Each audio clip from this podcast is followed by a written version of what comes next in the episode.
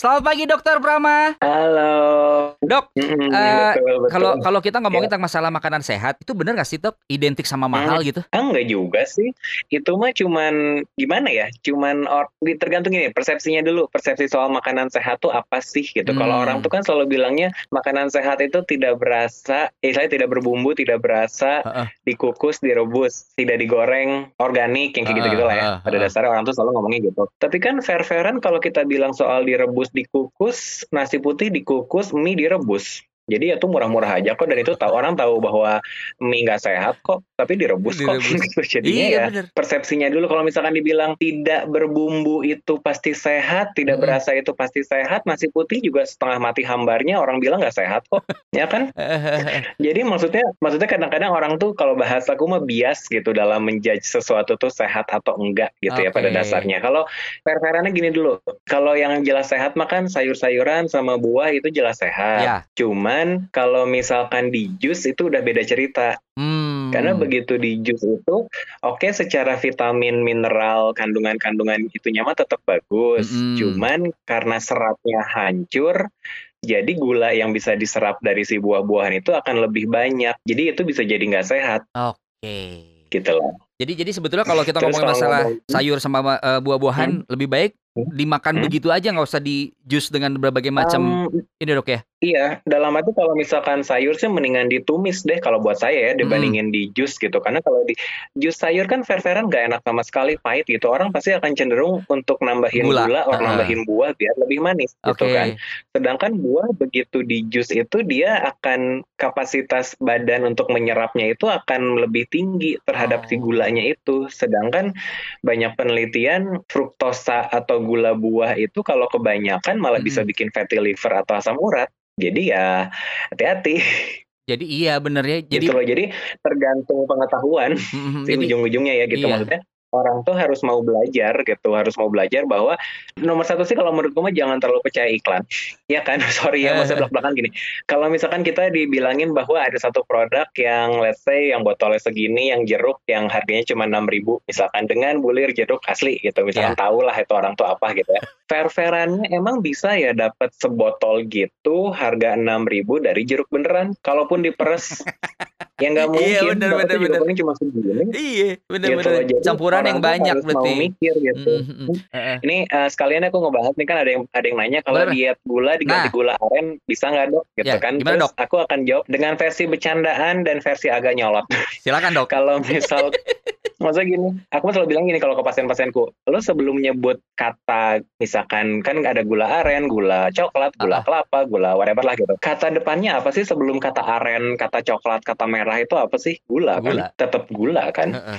Jadi kalau misalkan lo lagi dalam kondisi diet, lo pengen mencapai sesuatu dalam hati lo pengen kurusan, lo pengen sehat, dan lo tahu bahwa gula, kan kalimatnya adalah gula itu berbahaya. Heeh. Kalimat itu betul, tapi kalau misalkan lo berpikir dengan substitusi doang, istilahnya dari gula pasir atau gula putih jadi gula aren, gula jawa, gula merah, Hmm. sama aja kayak bilang, anjir gua kepanasan, gua pengen ganti jaket jadi sweater. Sama juga ya.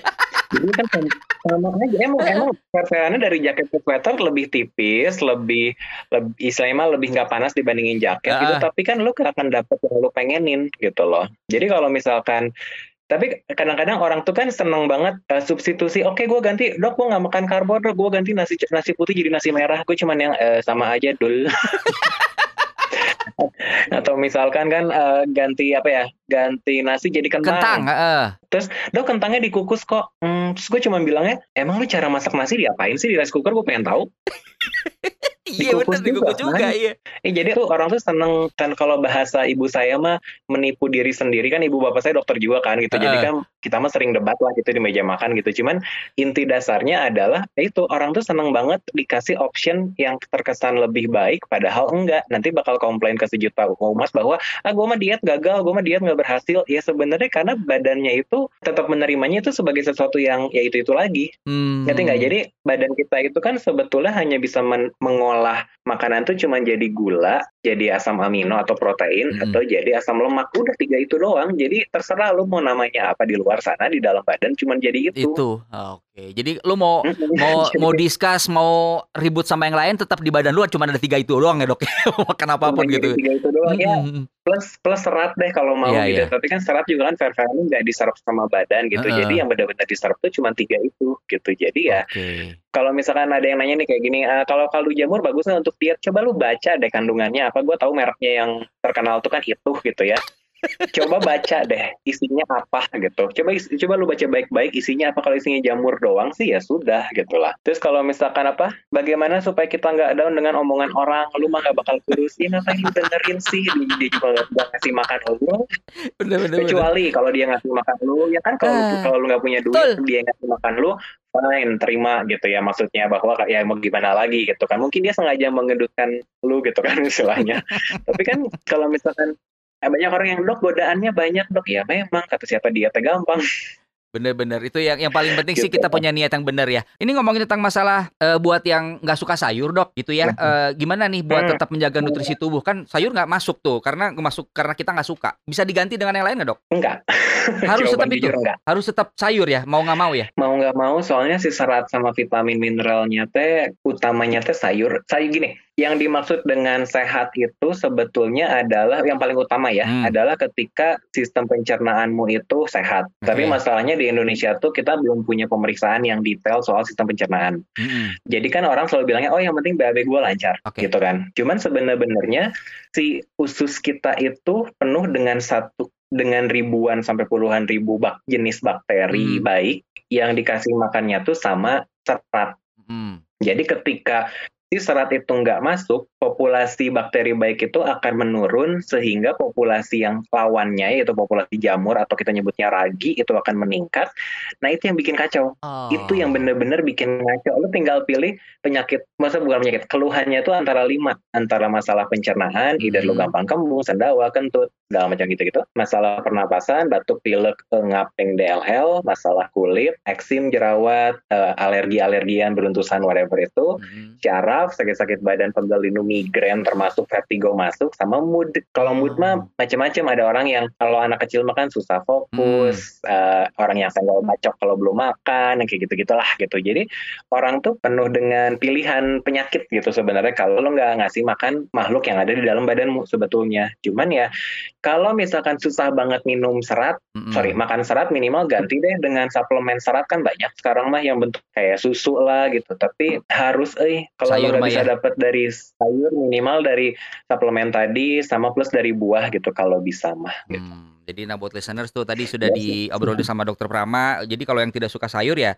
tapi harus mau nggak mau ya dok ya itu harus kita jalanin untuk biar tetap hidup lebih sehat gitu ya dok ya. Soalnya gini kalau biasanya orang tuh kalau misalkan nggak suka makan sayur tuh sebenarnya karena lidahnya tuh udah kebiasa dengan makanan yang manis atau yang strong gitu, yang penuh Hmm. dengan micin lah kalau bahasanya gitu. Mm-mm. Jadi begitu dikasih sayur yang rasanya hambar itu ya apa ya nggak mau terg- tergolongnya pahit gitu cuman kalau misalkan orang tuh bisa stop dari makanan yang ya tidak sehat yang manis yang gurih gitu selama seminggu biasanya udah gitu langsung enak lagi kok si sayurnya langsung kerasa loh sebenarnya sayurnya rasanya nggak nggak gitu-gitu amat kok nggak nggak flat flat banget ya, ada Gitu. rasanya nggak bias gitu ya.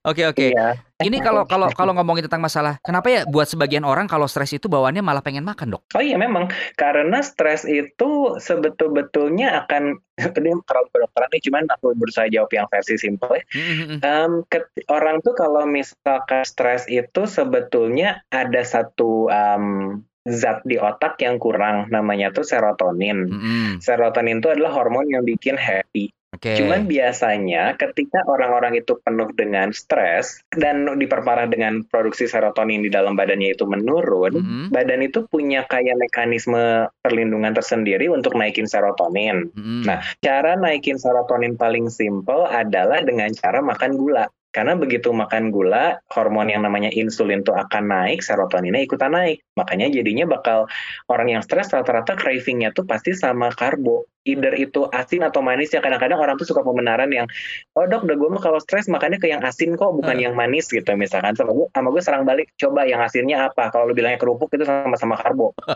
sama-sama gula Iya iya bener bener. Jarang bener. orang yang iya kan, jarang orang tuh yang stres tuh larinya, "Oh, gue pengen makan sayur, gue pengen makan buah, gue pengen Hmm. makan daging," itu jarang. Pasti butuhnya tuh sesuatu yang strongnya tuh ya asin atau manis itu sebenarnya krauk-krauknya itu loh gitu kan.